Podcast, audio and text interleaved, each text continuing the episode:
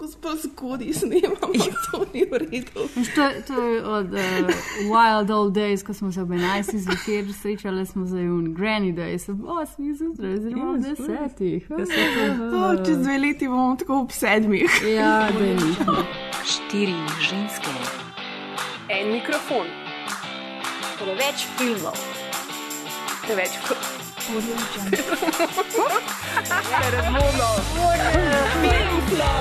O filmu govorimo, dokler ne teče kri.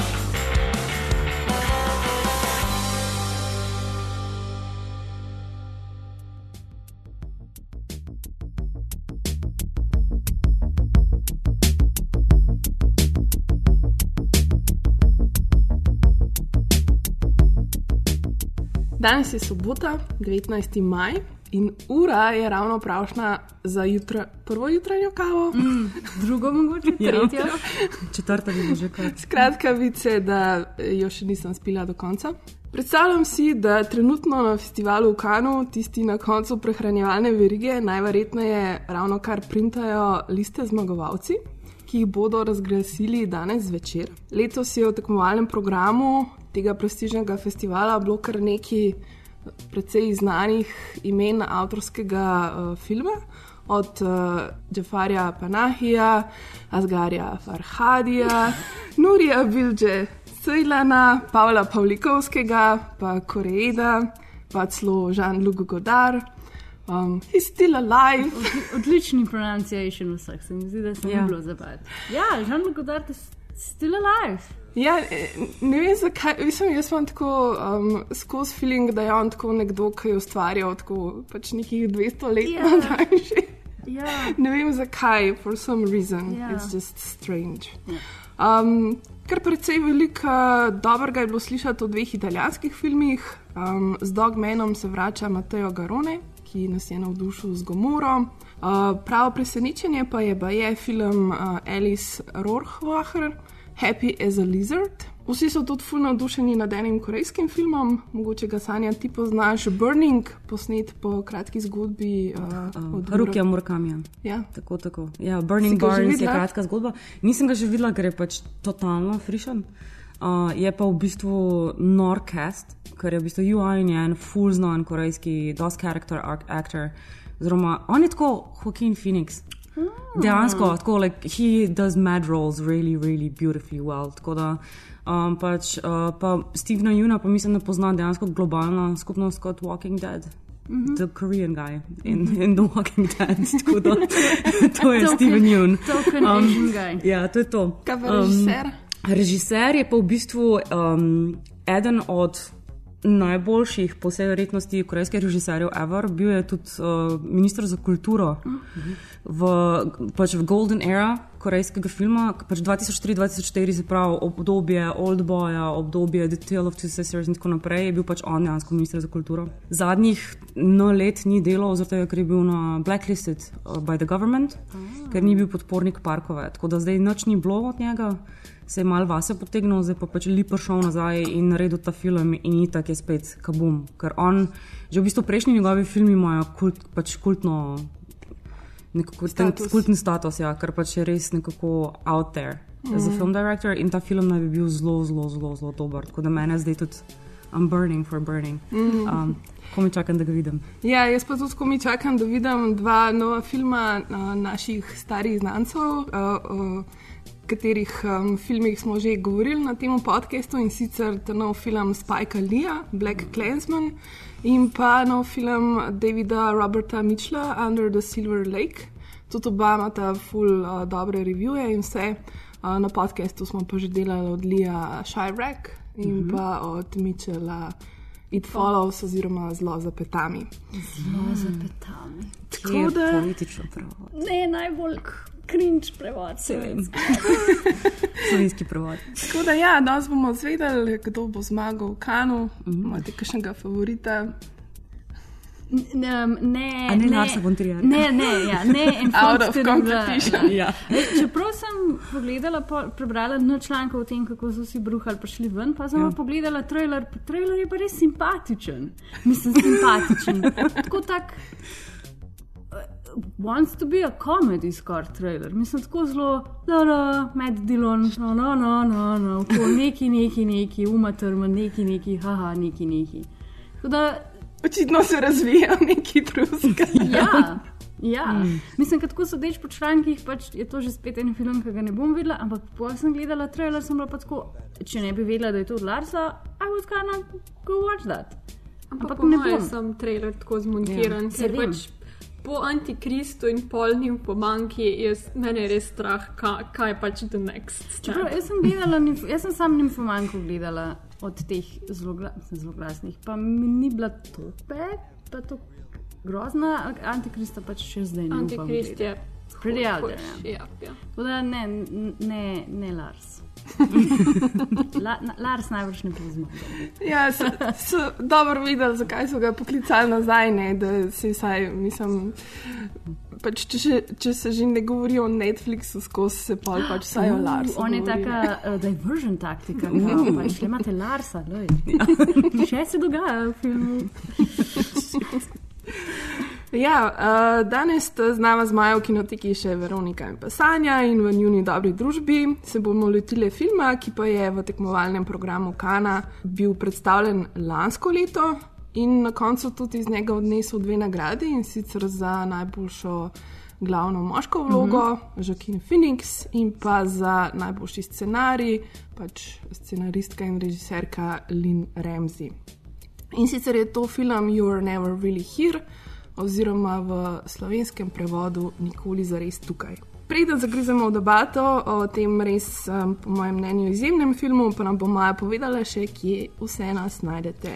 Seveda, kot vedno nas najdete na www.filmflow.js, www.aparatus.js, na Facebooku in na Twitterju smo Filmflow.tm, na Instagramu pa Filmflow podcast. Jej! Končno, po treh letih, hratal, v prvo, brez napak. Uh, Maja, prosim, uh, montažo. Aplavz. Ja, aplauz ali pa fireworks. Ali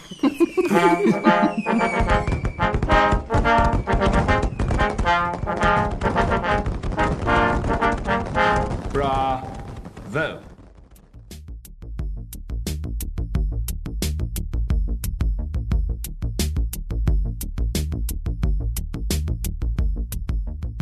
Ja, nikoli za res tukaj je en tak zelo redko beseden film. Uh, z v bistvu precej generično zgodbo, ki bi v rokah kakega drugega režiserja lahko kar hitro izpadla, precej banalno. Ampak Lina Ramsey, škotska režiserka, eno v bistvu od najpomembnejših imen sodobnega avtorskega filma, no pač nje zgodba niti ne zanima prav preveč. Um, zdi se mi, da je fokus tega filma dejansko bolj na notranjem življenju lika, se pravi glavnega lika. Uh, in mislim, da mu je ime Joe, uh -huh. um, igra, ka, igra ga Joaquin Phoenix, ki smo ga že omenjali, um, in pa njegovi traumatični spomini na otroštvo in življenje, ki ga nekako poskuša pustiti za sabo, ampak mu to res ne ratuje preveč dobro. Uh, sicer o, o samem liku se bomo tudi že bolj konkretno uh, malo kasneje pogovarjali. Da pa boste lažje sledili uh, debati, nam bo. Kot seveda veleva, veleva tradicija, Maja P. zaupala plot filma, uh -huh. ki je sicer posnet po kratki zgodbi Jonathana Amesa.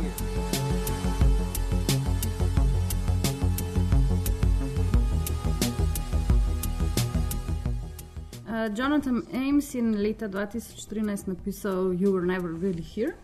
Uh, gre za njegovo prvo thriller uh, knjigico, drugače on pač piše in dela svašta. Ampak uh, to knjigo je potem med some point Leanne uh, Ramsey prebrala in se odločila, da bo naredila film. Um, film spremlja, kot je Žana omenila, Joe. Ki je veteran in uh, sodeč po enem intervjuju, ki sem ga prebrala, tudi ex-FBI človek, uh, ki pa je sedaj na ne stara leta, ampak na uh, post-FBI post kariero Hitman, ki živi pri svoji mami in uh, opravlja pač hitmanovske naloge. Uh, bizarno enough ima specializacijo, ki se ji reče reševanje mladih deklic iz prostitutičnih uh, ringov. In to mu ful dobro gre, uh, dokler pač ne dobi ene naloge, misije, da reši svojo uh, hčerko enega lokalnega politika, ki jo sve, hčerko seveda tudi uspešno reši, ampak potem grejo stvari malo na robe, ker očitno zabrede v en um, bolj uh, opasen pedofilski ring, uh, ker se potem mu maščujejo ti ljudje. Eh, Na zelo eh, tako krut in grozen način, ampak pač eh, na koncu vse je dobro, ker se tudi on nazaj na en tak zanimiv način maščuje tem ljudem. In then uh, on in ta- family Ja, hvala. Ta uh, Joe, Joe in Nina live happily ever after in rural America, kar je pač najboljša stvar ever na svetu. Okay. Kot smo že rekli, plot filma mogoče tukaj ni glih tisti najbolj um, zanimiv mm. uh, aspekt. I'm gonna ask you some questions. How many are there? One guy inside the front door, second guy on the top floor.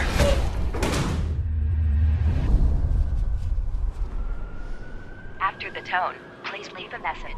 It's done. Man called. He wants to see you right away. State Senator Albert Vato. His teenage daughter's missing. What's the lead? He got an anonymous text with an address. I've heard of these places. They said you were brutal. I can be. I want you to hurt them. Get up. Can you hear me? My name's Joe. It's okay. Come here. Close your eyes.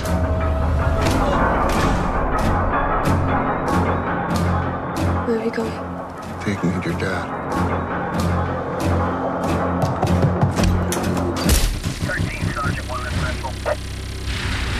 Got him. Pick up the phone. What is going on? The cops are involved.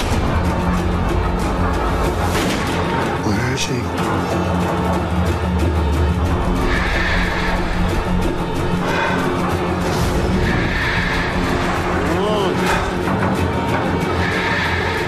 Don't worry. I'll get her.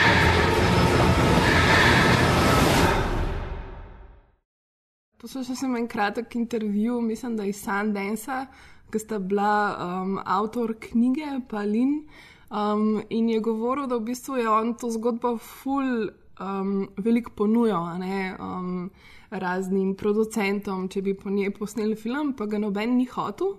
Pa so pa v bistvu knjigo prevedli v francoščino in pole je ena francoska producentka našla to zgodbo in je odkupila pravice in pol je pač Lynn Ramsey. Um, v bistvu je ta producentka Lynn Ramsey pač dala to knjigo in Lynn je bila ful všeč in so pol. Tako tak zanimiv krok je mogla knjiga narediti, da je prišla do ta prave osebe. Ja. Mislim, zato, ker je da se bere, kot sem brala od Jonathanu Amesu, piše zelo tako out there, pa bloody, pa krvavo. Jaz sem si predstavljala, da je to neka bukovski slash uh, Fear and Loathing in Las Vegas situacija in se mi zdi, da ta plot v kakšnih drugih rokah bi pač lahko bil straight out ta neka taken revenge porn film, ki se pač nekaj zgodi in potem se nekem tem hitmenu spuka in vse pobije. Mm. Ampak pač. Um, Ampak se mi zdi, da naredi nekaj drugega. ne. Ja, Kalin govori, ne, zakaj je bila ta zgodba všeč, že takoj na začetku poudarja, da tudi zaradi samega lika. Uh -huh. Zaradi tega, ker ni bil ta nek tipičen hitman, um, ampak je bil nekdo, ki je res ko malo v krizi srednjih let uh, z nekim. Tako tudi fizično, uh, s fizičnim izgledom ni ta nek nabit Bruce Willis karakter, ampak je mal bolj, ne vem, tako drugačen. Ja. Um, ampak ne vem, mogoče če um, se vrnemo malo k filmu. Um, stvar, ki mogoče mene osebno um, pri tem filmu na, uh, tako res fascinira, je sam filmski jezik in pač res ekonomija tega filmskega jezika. Mark Kermot je v svoji uh, recenziji tega filma pač rekel: It's a film which is a film, mhm. pač z veliko začetnico. Pač neka čista vizualna poezija. the experience was so amplified by you know by watching it with the you know with the with the sound up full. front. I had loved it the first time round, and the second time round, I thought this is real cinema. This is a real experiential sort of you know rush of a movie. And at the end of the film, I turned to Simon, and he just went, "Wow." I mean, I'm- uh, that's and it, it is Man of few words. It's one of those, yes, and it's a film of few words. Incidentally, it is a film which is not dialogue heavy. It is a film. It is a fi- to quote the great Nigel Floyd. It is a film which is a film. What does that mean? It means it talks a cinematic language as opposed to the language of dialogue. It Does- does tells that- its story. Does that run the risk then of speaking less to people and more to critics? No. No, because cinema in its purest form speaks to everybody. And that's why, ladies and gentlemen, silent cinema in its purest form was a pinnacle of art. Thank you very much. uh, we're heading off in a different direction. Pač zdi se mi, da ta film nam res tako ekonomično uh, dozira sam tiste informacije, ki jih res najbolj nujno rabimo, ampak hkrati je pa pač ta njegov jezik res tok premišljen, bogat, tok velik nam da. Z minimalno informacijo pove maksimalno stvari. Mislim, jaz bi se definitivno strinjala, pa dodala zraven, da je to en tak čovn, ki ga lahko v bistvu sam nek- nekdo pač Phoenixovega kalibra pač sploh vesla. Um, ker je v bistvu nekako on se tudi stopil s tem in pač svojo igro dodal vse te luknje. Mislim, ne bi vsak igralec bil sposoben tega speljati na tak način. Pač to kranljivosti, pa tudi nekega tega subtilnega humorja v tem liku, ki ga pač ful ne bi nekako pričakoval. Um, in, in te neke, ne vem, istočasne utrujenosti, ampak še vedno, ne vem, ni, ni pač mrtev on the inside, pa ni psiho, pa ni, ne vem, pač ful je zakomplik, za, mislim, zakompliciran ja, lik. Večplasten. Ja, tako, tako da pač je ful nekako, mene pač to fascinira, pa glasba. Mm, mhm. Pač jaz sem v enem intervjuju slišala, da je v bistvu ona njemu, tam pač je un moment, ko gre v hardware store in nabira stvari. Mhm. Mu je rekla, naj, da pač naj, mu je dala posnetek of fireworks, ognjemeta. Ognjemeta, ja. ja, da je to edino, pač, kar je slišal. Ker pač ta muska gre nekako, fu- ful, mislim, ker je taka full 90s synthesizer muska mm -hmm. večino časa, ampak tako res te Ampak potegne. Mislim, da je bilo to mišljeno tudi širše, ker pač, če ti ne vidiš ognjemeta, se dejansko sliši kot streljanje. In on, kot nek veteran, bi ne imel skozi pač to v glavi, kot neka Ja. ja. travma. Ja, ker ima tak- po vsej verjetnosti PTSD. Tako, Ja, sem si jaz- tako, Vse ima, ja. ja. Vse Ja. to mislim, da dejansko tudi piše, da je uradno. Ja, Pač ja. trpi za pač posttraumatskim sindromom. Tako da pač, to je nekako skozi prisotno, plus tisti flashbacki, ki jih tudi mi vidimo. Mhm. Um, Ja, meni je bilo um, ful zanimivo, ker ljudje, kako ker sem brala te neke um, članke, opisujejo film kot stout, lean, pa slim. To se pravi tak. Um, Suh, ozek, suhoparen, mogoče film.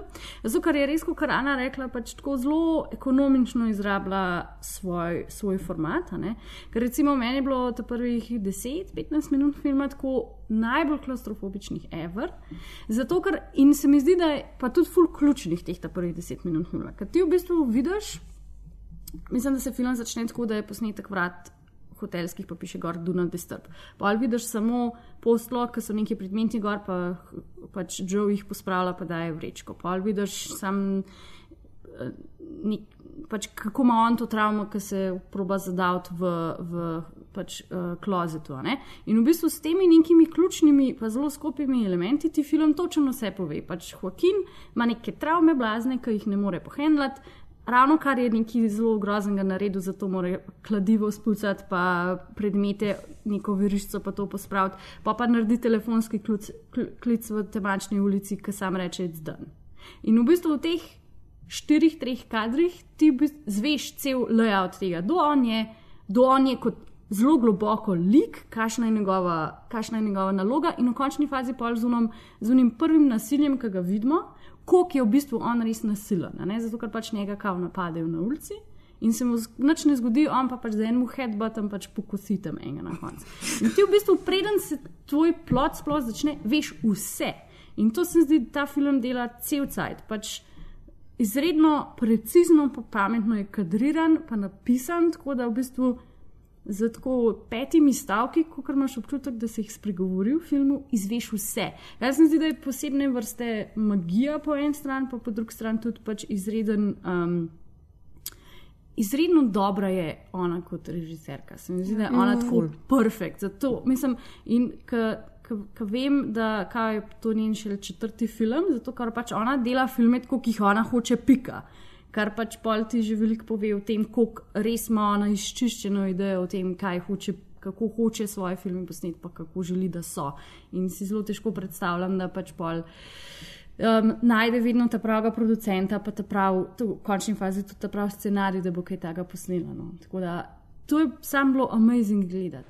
It was terrifying. I've never done any action sequences. I've never done anything with a gun. It can feel really, you know.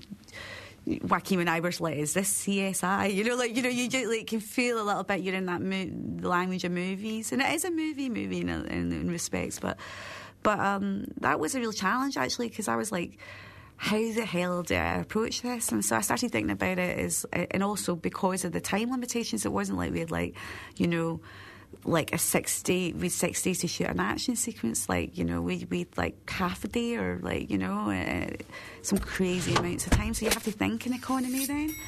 I wrote the first draft in about four weeks. Um, I put Joaquin Phoenix's photo up my screensaver and kind of willed him into the movie because I know he's quite choosy.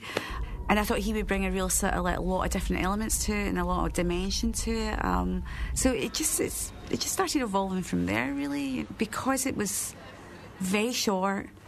Um, because of the nature of what it was genre wise, it was like I could build in so many things which were really a character study in a way, um, and a kind of about now as well, about nothing being black and white and sort of trauma creating other traumas and like lots of other worlds. So it was a really kind of interesting place to dig into, but still have a compelling, exciting film to watch. Ja, ker mislim, vse to, kar si zdaj ti res ful dobro opisala, je, mislim, je nekaj, kar je meni pri tem filmu bilo tako res užitek gledati, da ga spremljati. Um, v bistvu res ti kot gledalcu ti da neki ziv, ne, da ti res moraš premišljati, moraš svojo zgodbo konstantno ustvarjati. Zaradi tega, ker pač ta film res deluje na način, da imaš občutek, da vidiš veliko več stvari kot jih v resnici. Ti vidiš te štiri kadre, ti vidiš neke. Ker je vse tudi close-up in vidiš ja. samo neke detajle, sploh ne vidiš cele slike. In je na vsakem gledalcu, da si zapolni tisti prostor, ki manjka. Ja. Tako da to je res mojstersko narediti. Ja, ja. In, in ti skozi v bistvu filaš svojo zgodbo, ne? z nekimi svojimi informacijami, z neko svojo um, domišljijo, z nekimi svojimi um, mislimi in tako. In um, je to, mislim, pač film, ki je zelo zahteven za gledati. Ne vem, mislim, zdi se mi, da sem zelo velikrat tako v kakšnih komentarjih, pa tudi recimo z Majo, ki so šli gledati ta film za nama, oh, pač so se ljudje ja. blazno dolgo časala. Ne? Mislim, niso mogli gledati ja, tega no. filma, ker pač niso bili pripravljeni na način investirati, zaradi tega, ker so pričakovali, da jim bo vse pač film serviral. Ja, ja. Ampak ta film ni tak in ljudje ga zelo velikrat v bistvu označijo za dolgočasen film kar je tako, mislim, ne bi, bilo, ne bi mogel biti dol od resnice. Pa, pa po mojem tudi, ker vejo, da gledajo. Mislim, tako, Te dva kretena za nami, ki sta bila tako starejši par, kar sem jaz sem bila, sem bila pripravljena, pač ko sem se ozrla nazaj, da bodo mladi mulci, ampak pa sem bila blazno razočarana, ker je bil to nek tako 40 plus par, brez kulture. Ampak tako, recimo, ful sta bila šok, zmeren takrat, ko se je film dotaknil pedofilije, pa teh stvari. In se mi zdi, da sta bila pripravljena na un. Uh, um, uno sceno, ki je gorne. Gor, ja, a veš pa ta mm. pač res. Um, Kako bo to rešil mlade punce, ki so tam. To, ampak tega ti film ne da, zato ker je film pameten. Ja. Film ti nastav to. Et set si ob, da si ti sam sebe nahajpaš, ošit, kaj se zdaj dogaja, poseljujejo jih, e? ampak ti pa ne pokažeš tega. Pokaži, in pa sta bila moja sama razočarana, ker tega nista dobila. Ne? Ker zato, nista ker, mogla si živeti na ta na način. Na ta način, ja. ker sta si pač mogla to predstavljati. In, Mogoče bi mogla iti gledati Larsa von Trier. Resno, to bi bilo pa bolj zihra, ja. kako lahko to ta film pokaže. Ne? Ja, vse ja. to hočejo, ne? neki, kar lahko se mislim jezijo. Točno tako, pa zero mm. efforta. Ne? Zato, ker tudi recimo v, v njih enih ključnih momentih, ko, ko, ko dela on neki z likom, ki pač sam v bistvu slabo.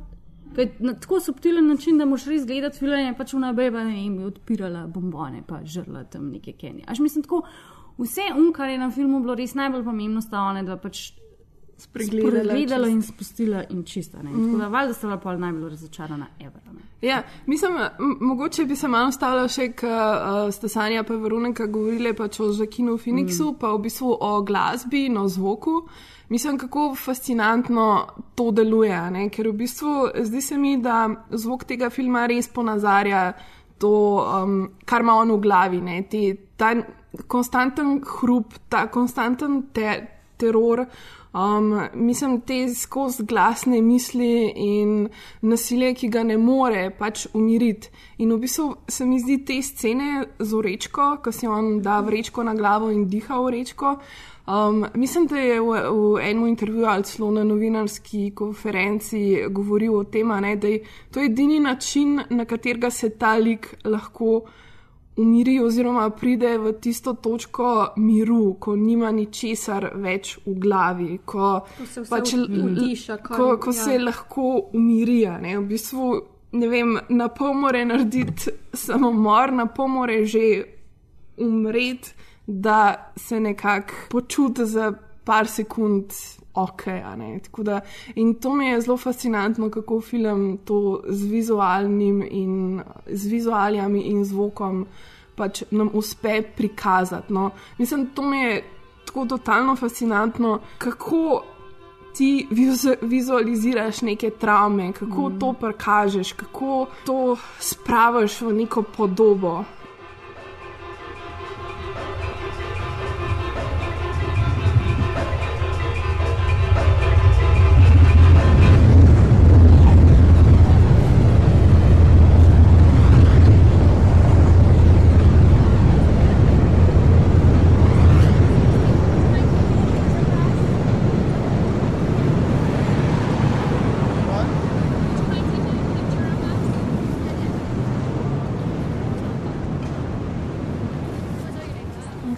Tak način to izpade. Mislim, veliko je močnejši, veliko bolj se te dotakne kot gledalca, kot če bi to probal verbalizirati, da bi to hotel ubesediti. Um, ja. ker, ker se mi zdi, da, je, da so te travme izven besed, ki jih poznamo. Mm -hmm. pač, da se to sploh ne da ubesediti na tak nek mm. zadovoljiv način. Tako da se mi zdi, da je to res najbolj efektiven način, kako se je ona lotila tega. Ja, ja bi se to isto pripovedniško zlato pravilo šel do Ontala. Mm -hmm. In ona ga tako res do pike izpele. Res do pike izpele, na vse možne nivoje. Ja, zato ker v bistvu pa tako ful je tudi že spet ekstremno klever. Ta Joe eh, ubija s kladivom, kar je res lol. Mislim, da ja. pač ne pričakuješ tega. Ne? Ampak se ti tako v bistvu skupaj se sta, da tudi to ni neko na ključe, da ima on to kladivo. On v bistvu preigrava ali pa, ali pa se sooča ali pa ovna pač to kladivo, zato ker je pač očitno njegov fotor s kladivom se lotil njega in mame. In, ampak to ti tako izveš v drobcih um, flashbackov. Pa za mene je to šele na koncu ko pač vidimo Joe zgori brez, ko ima on pač te okrogle brazgotine od točno tega, a ne kladiva. In ti pa še tako klikne, a ja, fuk, ok, on v bistvu tle neki traumatizira skozi skoz to sceno. Pa tudi recimo to, res to. Um, um, self-asphyxiation, to zabrav, ki si on proba z vrečko zadavta. Jaz sem tudi tako zelo brala, zelo na izi bi bilo brati to, kot pač ok, ta tip res hoče narediti samomora. Ne? Ampak glede zato, ker ti skozi te flashbacke iz otroštva, ko on v bistvu to cel life počne, ne? to je v bistvu res edini način, da on sam nad sabo dobi. Pa nad svojim lifeom kontrolo, da se ima pod nadzorom in da se mu to dogaja. Zato, ker meni je bilo recimo ful zanimivo, pa zdaj, ja, gess, da smo že v spoiler alertih, ko mu pač ko on reši to Nino, to hčerko, ne, mu jo polijo takoj nazaj ograbijo, pa ko se izkaže, da pač je to od guvernerja eh, najljubša ta eh, prostitutka oziroma deklica. Ne, in mu, mu grejo pol mamo ubiti. In v enem momentu, ko, pač, ko mi, sprem, mi tudi spremljamo ta odnos, ki ga oni dva imata z mamo, ki je dosta tako cute, pač ona je stara, mm. on je skozi malo grumpy, skozi pač ti malo psiho mesta, ja. scena, ne, dela. Ampak vse jih očitno rad pa za eno skrbijo, kar tudi mogoče od hitmena ne pričakuješ. Ampak skozi nekako čutiš, da je mama ta center teh njegovih vseh travm, ki se, mm -hmm. ki se, ki se mu nabirajo. Ne? In v momentu, ko je mama mrtva, film neki naredi, pa nisem točno, ni mi točno jasen kaj, ampak popusti ta travma. Tako on rata bolj ok, sam sabo. Tako ful je to zanimivo, pa ful na tak subtilen način, zato ker se ful se veliko ne spremeni, ampak kar ena ta tenzija v filmu popusti in je nekako bolj vse smooth. Mislim, tako ful je, to jim je ful najbolj zanimivo tega. No. Ja, zdi se, mi, da je, zdi se mi, da je ful zanimivo razmišljati pač res o motivacijah tega lika. Mm. Kaj, kaj njega sploh driva, da to počne. In zdi se mi, mislim, Maja zdaj omenila, po mojem, pač ključno točko, da on pač glede na vem, nasilje v družini, da je njegov fotor v bistvu tepo in njega in mamo, da je bil ful nasilen in vse. In ne vem, mate, až, on se mi zdi, da ima skozi ta občutek, da nikoli ni mogel zaščititi svoje mame, ne, da njej nikoli ni mogel pomagati in iz tega izhaja neka njegova travma, pa ne, nemoč, pa nek, neki in pol, ko ona umre, ne, se to razreši na nek način. In tudi se mi zdi, da je to fantastična scena, kako pokažejo to, ko v bistvu dva hitmena ne prideta um, ubiti njegovo mamo in pol v bistvu. Um, On pač valjda pride prepozno, ne? on, one dva sta seveda še v hiši in polju on oba ubije in na, na neki točki, mislim, ne jih še ubije, čisto umirajo skupaj na tleh.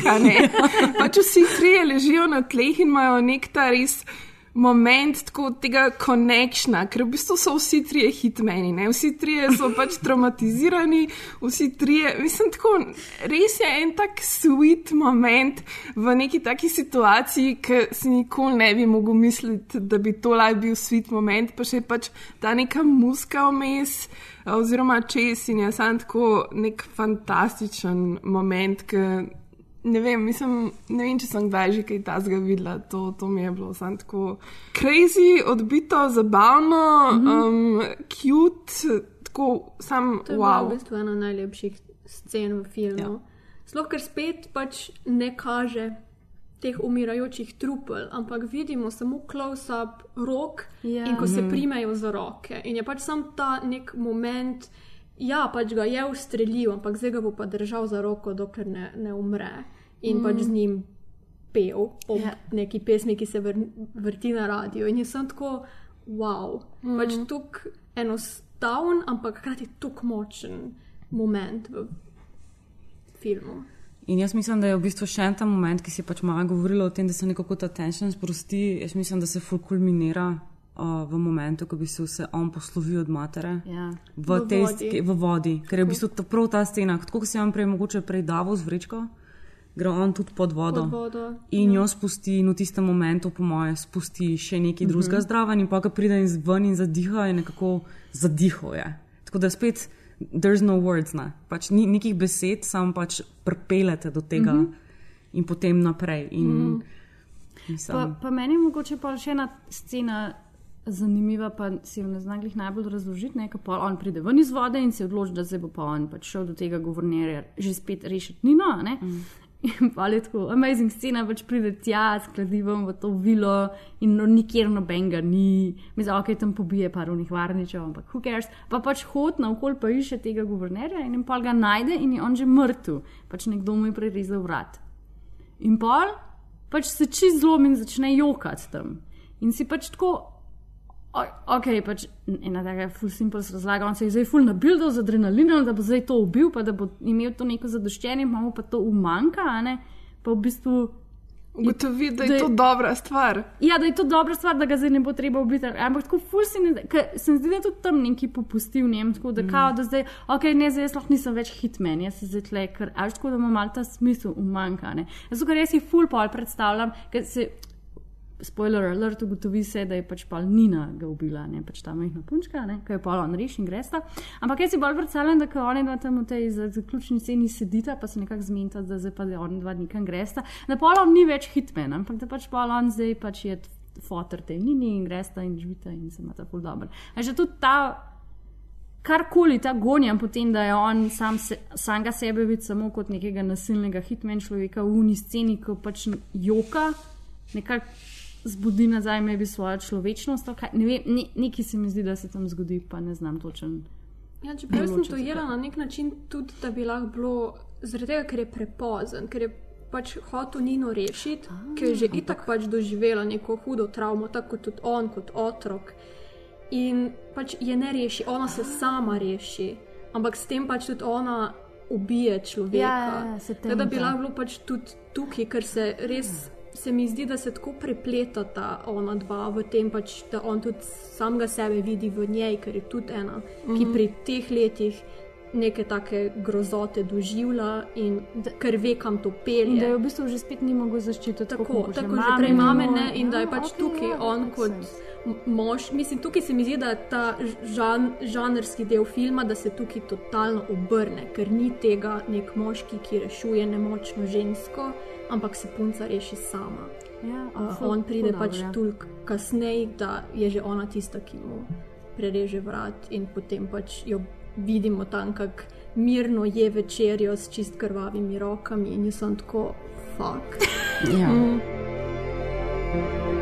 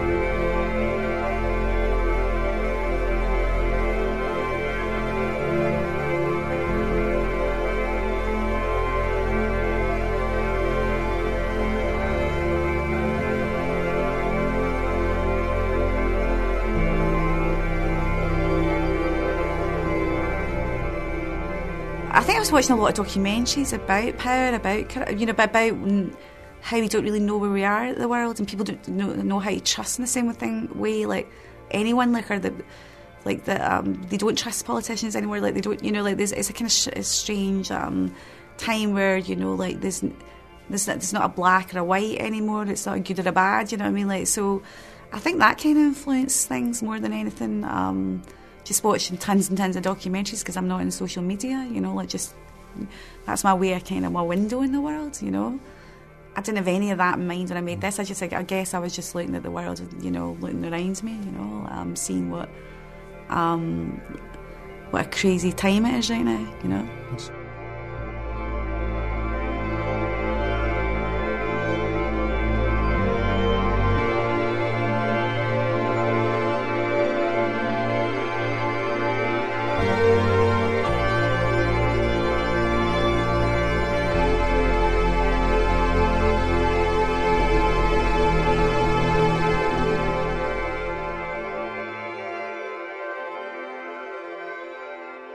Si pač Veronika omenila, zdi se mi, da ta film, ne, mislim, da skrat ga označujejo za nek kao film noir, mal pa mal pač eh, thriller, pa ta hitman žanr pa to, ampak.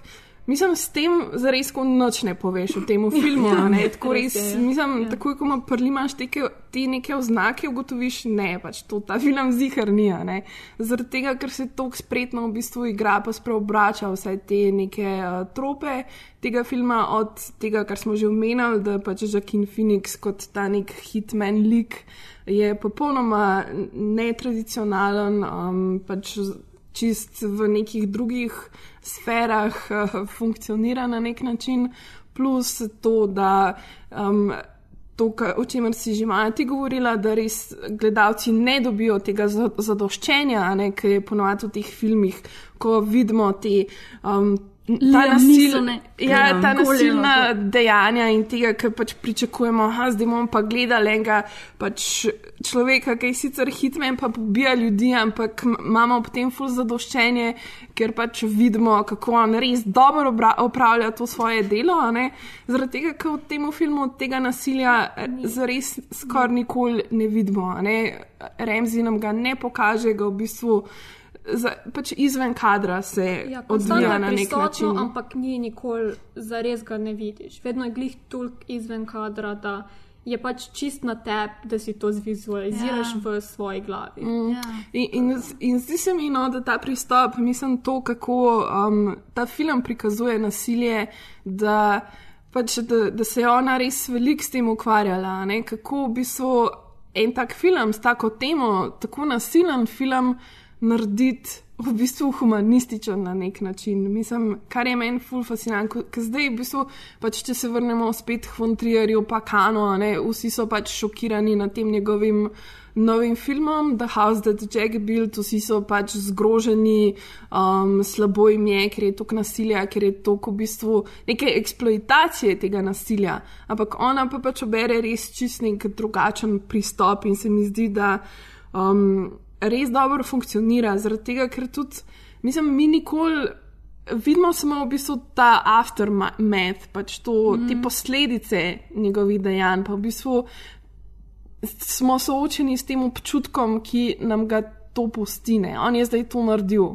Kaj zdaj? Ne? Mislim, tako pač s tem se ukvarja. Mm. Kaj neko tako dejanje naredi človeku? Ne? Mislim, če ja, Ja. iz tega psihološkega. Ful je, um, ful je res klevera, ne? zato ker tudi tuno nasilje, ki ga, ki ga pa mogoče vidiš, je pa zmeraj tako mal, ali se je že glih zgodil, ali ga v bistvu vidiš, ali je pač medtem, ko se dogaja fokus kamere nekje drugje, ali pa v končni fazi tudi recimo ta nek sreden del njegovega rampagea, ko gre rešiti prvič Nino tja v, v ta bordel, ne? ki ga v bistvu gledamo skozi CCTV kamero.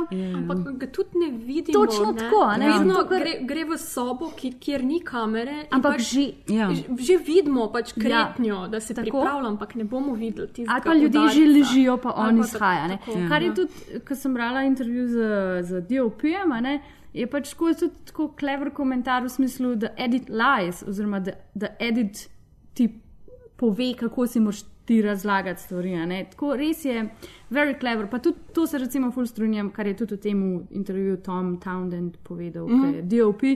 Pač nikoli še ni videl res potrebne rape scene v filmu. A, mislim, ne, ta, pač, ta res naša eksploitacija, pa tendenca k temu, da pač for whatever reason pač je rape prikazan in prikazan na ta način. Je on rekel, da še nikoli ni videl za film smiselnega prikaza rape scene. In temu so se hoteli tudi tukaj noter izogniti. Še posebej zato, ker so otroci, pa niso hoteli uh, ti pač mladoletniške golote in te stvari. ne. In v bistvu je Pa, pa tudi uh, kuda v tej igralki, je Katarina Samsonov, po moje, ki igra to mehko punčko, ki jo tako tudi na ta na prefinjen, traumatiziran način igra. Ne, da ti v bistvu res.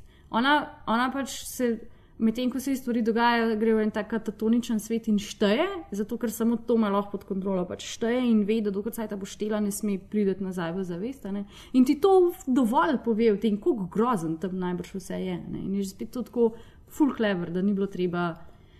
Ampak se tudi to poklopi s tisto prvo sceno, kjer pa slišimo od Phoenixa glas, ki šteje, Šteje. kot otrok. Tako da je tudi on na ta način, uh -huh. ko jih je pač oče mlatu, uh -huh. se na ta način odklopil od realnosti, uh -huh. kaj se res dogaja. Tako da se, Ja. tukaj, tukaj se mi zdi, da je nek ta story arc tudi, Ja, ja, ja, se ja. njuni zgo- zgodbi Ker nekako tekom povežejo. filma se velikokrat štejejo, pa mislim, da glih v ovni sceni v vodi, mm Mhm. -hmm. se pa v bistvu oba dva um, glasova prelijeta eno drugega, oziroma ona začne, on konča in tako naprej. Ne? Se mi zdi, da se. Mislim, ful je neka transcendenca med njima dvema. Ja. Ja. Tako da mislim, jaz prej sem se pač pogovarjala o tem, da recimo oče, hčerka in tako naprej, pač mama. Jaz pač njiju dva bolj vidim kot tovariša. Um, Ja. pač jaz sem to ful, Partners pač partners, crime. not, not really in crime, in trauma. In, po, in trauma. To je ne. tako, pač partners in trauma, pač in vsak se probo nekako s tem zdilati in nič ven iz tega, ker pač nekako na koncu ta It's a beautiful day sem jaz pač ful bolj dojela kot nismo več sami, pa Ja, razumemo. ja, ja. Res Mhm. razumemo. Ja. Pač, ker prej je bila pač za mamo moral skrbeti. Ona je poskrbela sama zase, ona je šla čez stvari, on je šel čez. Mislim, res je fulta transcendenca med njima dvema in, in, in enostavno razumevanje, Mm. ki jo osvobodi. Ja, ja, ja. Zato tudi mogo, mogoče na koncu ta scena, ko oni dva sedita v tem dinerju in pa se pogovarjata, in oba dva sta tako malo shell shock nad stvarmi, ki se je zgodila. Ne? In pol gre ona na VC, in pol mi dobimo to briljantno, pač čist propad njegovega lika, ki pač naredi samomor, kar je pač v bistvu skoraj ena edina in najbolj na gor direktna scena. Dejansko, ja, ja. ja. Naredi kao samomor, se ustreli v glavo. Na kar sem jaz tako v split second ti pomislil, že, a ne, ampak te no se zigli vse v redu, pa, in pa gre scena naprej in v bistvu ugotoviš, da si on to sam zamišlja, ampak pol v navezavi na to, kar si rekla, ne, ker on je končno dobil nekoga, ki ga štika, zdaj pa ta Ja. oseba že spet šla. In, pol, in on se v enem trenutku zamišlja, da je res sam in tega ne more pohendlati. Jaz, jaz pa zdaj to tako berem. Pač končno si najdeš eno osebo, ki te šteka, pa ki te razume, in pol ta oseba gre, in to je v bistvu tvoj konc, res ta osamljenost. Sam pa ona pride nazaj, reče: It's a beautiful day. And then they live happily ever after. And I'm so happy. Mislim, ta konc je ena izmed mojih najljubših stvari v tem filmu. Res je tako. Jaz sem pa dejansko to delala, kot da je on ubil ta del sebe. Ja, jaz Tudi, sem ja, valjda, valjda. Ja, Ja. Tako, Ja. nekako, da pač ne samo to, ampak da je res ono the final liberation, ker zdaj pa ni več sam. Ja.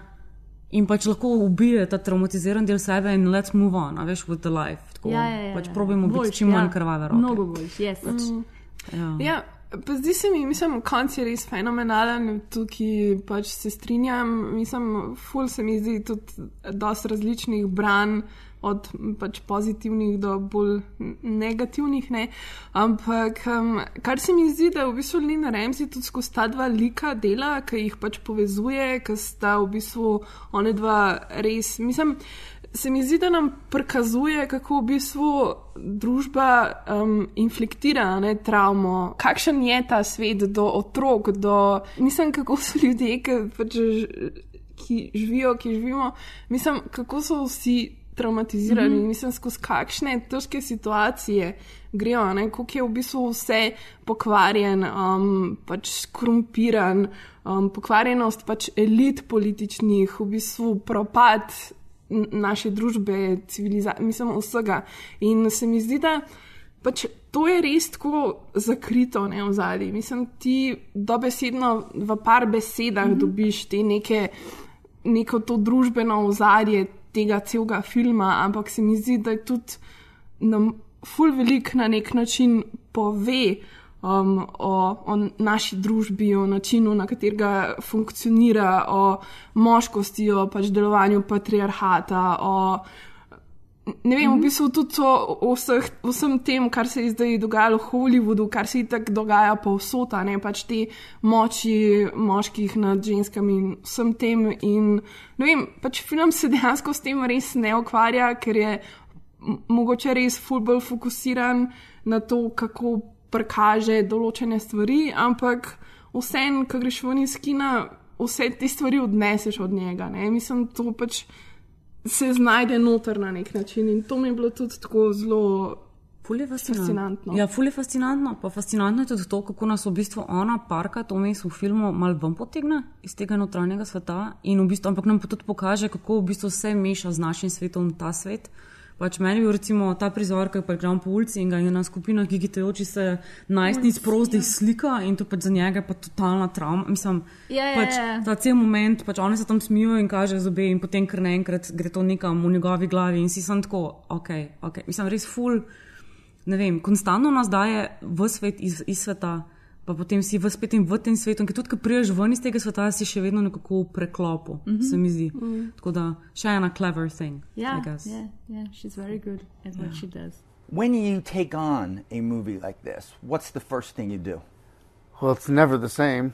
It's never Uh, the same. Don't you meet with this filmmaker first and say this? To be honest, uh, we spoke on the phone, Lynn and I, but this was the first time actually I agreed to do a film without having met the director in person. Um, it just it happened this way. Really, what happened was I spoke to her on the phone, and at the time I was scheduled to do three other movies, And so I said, I, you know, I, I just don't see how we're going to make this this work. And she said, Well, it's all right. I, I have to work on the script. It's not really done. Um, I'm looking to shoot, you know, in a year's time or something. And I said, I don't know how I'm going to feel in a year. I don't know. How, I don't know if I can agree to this now because I don't know if I want to do it in a year. And then, by chance, the film that I was meant to do that summer fell apart, got postponed. Mm-hmm. And so I called Lynn and I said, "You think you can get this going? you think you can get this going by July?" And she said, "Yeah, right away." But I really admired that in her that she was she felt so strongly um, or had a, a kind of confidence or a willingness to go into it, whether it worked or didn't. Um, and so that's how that's how it happened. So we didn't really have time to meet. I just we just started you know, prepping, and I flew out like a month later. Ja, pa, v bistvu se smo se že dosti pogovarjali o Žakinu Phoenixu. Pa, Ampak zelo še malo. Pa o Ja, tem, fajn, no. ne vem, mislim, jaz si sploh ne znam predstavljati, da bi nekdo drug stopil v, v to vlogo. Ne? Sicer tudi mislim, da um, Lina Ramsey ne ona si res želela, da bi on odigral to vlogo, mm. tudi kaj pisala scenarij, je pa je imela skozi njegovo sliko na desktopu. Ona je imela kakšne druge motive. ja, maybe, who knows. Um, ampak ne vem, tako. Pač si Žakina Phoenixa že nekaj časa spremljamo, ne? pa pač res ima tono briljantnih vlog, ampak jaz sem ga mogoče pač v tem filmu, mi je bil res najboljši zda- do zdaj. Mi je bil tako, ne vem, pač najbolj si predstavljam, da, da je on tak človek. Ne vem zakaj, mislim tako. Um, ne vem, recimo v tem filmu Ona, mm -hmm, her, od, od, um, ne vem, tam mi nekako ni do, pač to ni on. Ne vem, mislim, mogoče tudi je, ampak ne vem. Ampak ne. Ne vem, ne vem. Si ga je lažje s kladivom predstavljati. Ja, ful si ga je lažje s kladivom predstavljati, pa kot enega taga mal poškodovanega človeka. Ker pač je. Ja, ker pač je, exactly, Ja. ker, ker je zares poškodovana. Ne? In Ja. ja. on ima tu neko tenkočutnost, ki jo v ta pravih vlogah res dobro zna portretirati. a ne. Tako rahlo damaged, getting by. Meni je on že od nekdaj tak. Pač od, odkar sem ga prvič videla v To Die For, ali kaj mu je bila tako največja prva vloga. Ja. Ker je, ima res neko tako prezenco, kot je malti je scary, ampak Ja. hkrati bi ga pa samo objel. Ja. In pač ima, to v sebi. Ja. Se mi zdi, da je res prav za take vloge on. Ja, um. pa tako, ko sem pa zdaj malo brala v njemu, he seems like a really cool guy, ne? tako pač dosti down to earth, pa tako čist chill, boli ga kurat za vsta Hollywood crap, pa to. Tako fulje. Ful ima nek tak poseben smisel za humor. Ja. Mislim, da sem se tukaj z Mm. režiserko res ujela. Ja, ja, ja, ja, ja, ja. To me je najbolj, zdaj se ful veselim tega, mislim, I guess, da se res ne, ampak tako sam hecno mi je, ko bo igral Jezusa Ja. v Mariji Magdaleni, kaj pač ta tako. Ok, kul, cool. to hočem You can videti. keep the beard. Zdaj. Ja, to, to hočem videti, zdaj je Joaquin Phoenix, as Jesus. To me zdaj tako ful zanima, ker si pač ful ne znam predstavljati, kako bo to izgledalo. Ja. Uh, pa Runi Mara bo pa, a ga je zagrala Marijo Magdaleno, kar bo. Kako bo, ne, kako, ona, kako bo ona to igrala? Vem, Mislim, upam, pač, da bo kakšna huda metalska glasba zraven, ker drugače sploh ne morem predstavljati tega filma. Zdaj. Res, Ja. res. To bo res zanimivo. Ne? Ja, me je bilo ful zanimivo, ker sem si včeraj šla še enkrat uh, pogledat uh, We Need to Talk About Kevin. Aha. In um, ne vem, če se spomnite Žagina Phoenixa v Gladiatorju, Aha. Se. ki igra. Seveda, Ne, ja. in Ja. se mi zdi, Ja. da je pač ta lik, se on Nerona tam igra. Ja. ne. Ja. Pač ta lik Nerona, da je pač ful isti, kot ta tam mal v We Need to Talk About Kevin. A ni, mislim, Ker tako. Tudi ta Ja. bi zadal očeta z blazino v spanju, če bi bil na poti do prestola. Se to Ja. zgodi v Gladiatorju. Ja. Vse, ne? Tako da, Ja. ja. You do have a name. My name is Gladiator. How dare you show your back to me? Slave! will you remove your helmet and tell me your name? Ja, ja, Žakin Phoenix in Lina Ramsey. Uh, jaz sem se ful zabavila, ker sem gledala te uh, pres um, oziroma te posnetke iz tiskovne konference v Kanu, um, kjer se ona res ko hihita, ker je ena pač 12-letna uh, punca, ki ima čisto totalen nor kraš na Žakina Phoenixa. To je čisto razumljivo. She's all of us. Ja, to je to. in, in je tako, mislim, ful je res um, taka um, šaj, pa taka hihitajoča. Mislim, tako ful. Ne vem, nikoli si prej še nisem tako pogledala nobenih intervjujev z njo in nič. In ne vem, ker veš, kakšne filme dela, pa ker veš, da je zelo tough, da v bistvu mislim, ne gre delati filma, če ni tako, kot ga ona hoče delati. Si tako res ne predstavljaš eh, ta zgalika v zadnji z, z temi filmi. In me je to kar tako. Tako zanimiv, zanimiva kombinacija. Ja, no, zanimivo je, da uh, jaz sem si tudi predstavljala njo kot eno tako fulbol zateženo, resno gospo. Zato, ker pač so njeni filmi tako fucking precise, ne pač tudi kadrirane, tako kadar je kaj na polovici, a res na polovici, ne, a veš tako tako strogo, ne. Mm. Ona pa res ni taka oseba, which I find very sweet. Predvsem se tudi takih tem loteva. Ja, vsi so kar disturbing. Ja. ja. In je zanimivo to videti, kako se pa pač, ko jo vidiš kot osebo, čist nič ne sklada. Ja, pa, pa me, to zamorjeno. Meni je bilo noro. Psihotiko. Ja, zato, ker se mi zdi, da je ta um, njen DOP, ki v bistvu že od samega začetka dela z njo, sicer ne kot direktor fotografije, ampak tudi kot, um, predvsem kot kamerman in tako. In je govoril, da ona, ki je delala v Need to Talk About Kevin, da je mislila, da dela komedijo. In, in, in ja. je. In je tudi govoril, kako je bilo pač na, na snemanju You Were Never Really Here, uh, kaj je ona pač v neki sceni metala pač kriva Jacquina Phoenixa ne? in da se je pri tem tako nora zabavala in da se je smejala na svetu in je bilo samo to, to, the best. Po mojem, na tem svetu je mogel biti res tako crazy, bizarno, zabavno. Ja, Tako neke take skupne teme za vse tole, kar poslušamo. Crazy, mal damage, bizarno, zabavno. Yeah, yeah. But what's really amazing about it was the character was a real, you know, a guy having a bit of a midlife crisis, to be honest, and um, a bit going to seed, you know, um, lives with his mom, you know, like suicidal, but in a kind of blackly comic kind of way, and he's only kind of sticking around for her. So he's a bit like a ghost in his own life. Um, and somehow I thought, I kind of started thinking about, about it. It's a kind of Lazarus story as a guy that comes back to life.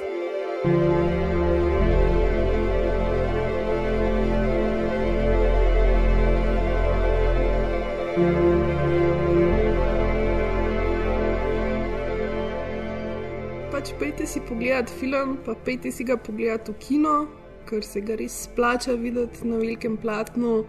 In zaradi odlične fotografije in zvoka in celotnega učinka, ker se mi zdi, mislim, da ta film zagotovo najbolj deluje na velikem platnu, v temi kinodvorane. Tako, um, Z vljudno publiko okolje. ja. No, bi pa če tako gledati, da te bolj sami v kinu. That's not a problem. Tako Ja. Prva vrsta, pa tri prazne vrste za sabo, pa to je to. Okay,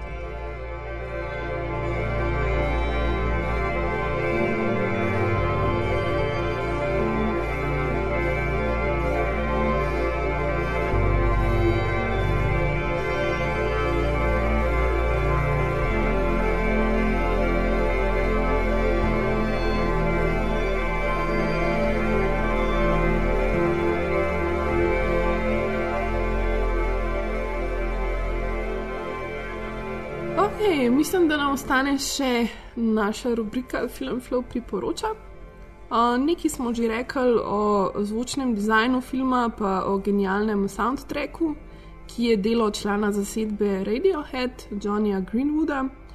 Um, med drugim ste njegovo glasbo letos že lahko slišali v filmu Fantomska nit.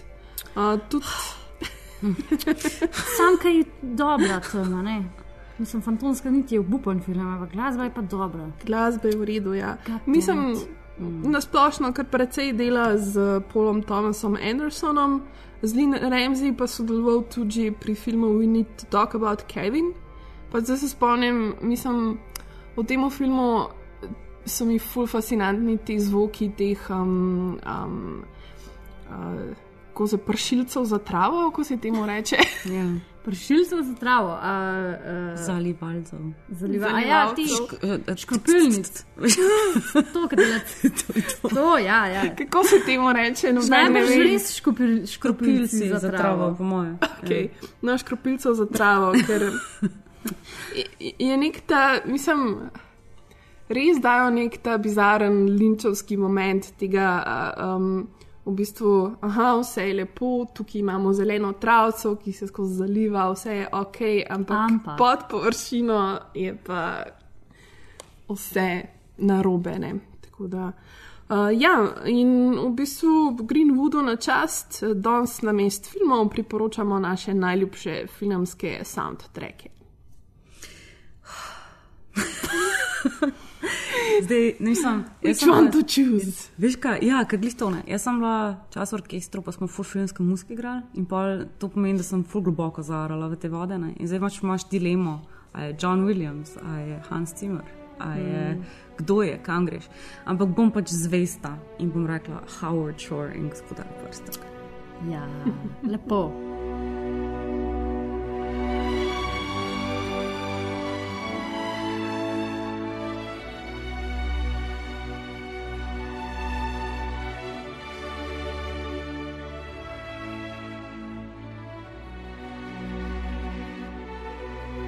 Zvesta sem, lepo.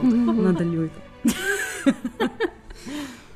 ja, jaz sem tudi v bistvu, mislim, isto sem igrala v orkestru, tako da sem ogromno te glasbe dejansko preigrala na instrument. Ampak sem se odločila zdaj iti malo bolj v neko nekonvencionalno. Um, mislim, kot, kot prvo, najprej sem hotela dati poklon temu Johanu, Johan Johansen. Mhm, Mm -hmm, mhm, ja. mhm. Ki je v bistvu ravno pred kratkim, nažalost, umrl. Mm -hmm.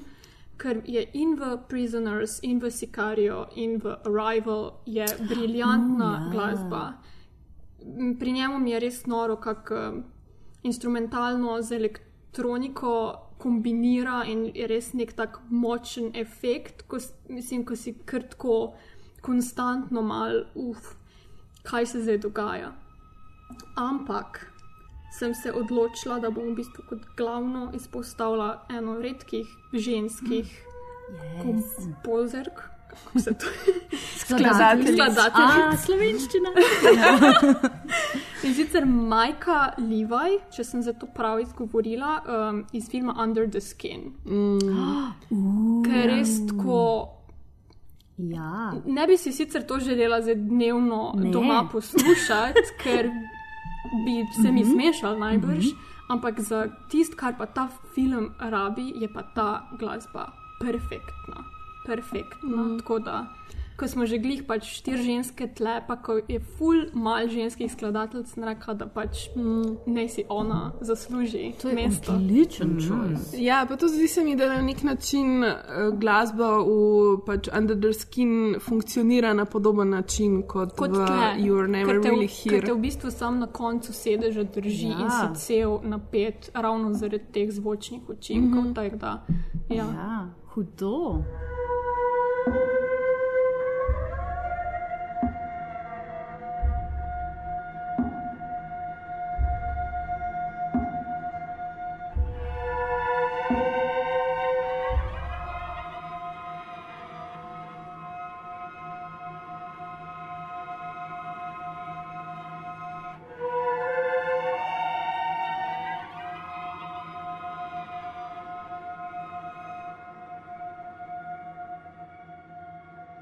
Hudo.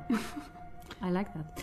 Um, ja, ok, jaz sem tudi itak, pač loter je thing, ker pač imamo vse CD-je še doma in je to tako oh, dobro poslušati. Ampak jaz ponad zmeraj najbolj uživam v tistih filmih, ki igrajo mojo musko, to se pravi really ra loud rock and roll music, ne? Jaz sem full chip. Jaz sem full chip, kar se filmske muzike tiče. Meni je Kong ta, ta najnovejši bil begrudgingly všeč, zato ker pač imajo noter res na glas Black Sabbath, pa je pa meni to tako, fuck you film! now you made me like you, ker imaš dobro musko. not." Tako da jaz, eh, jaz bom izpostavila pač dva filma, Dazed and Confused.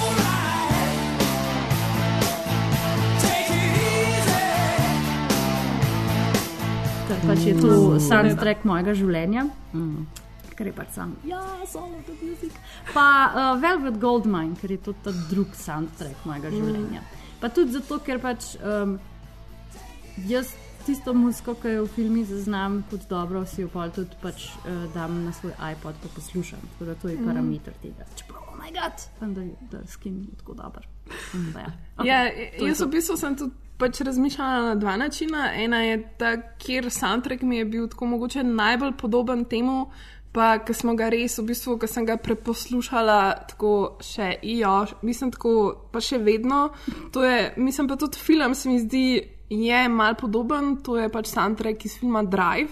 Um,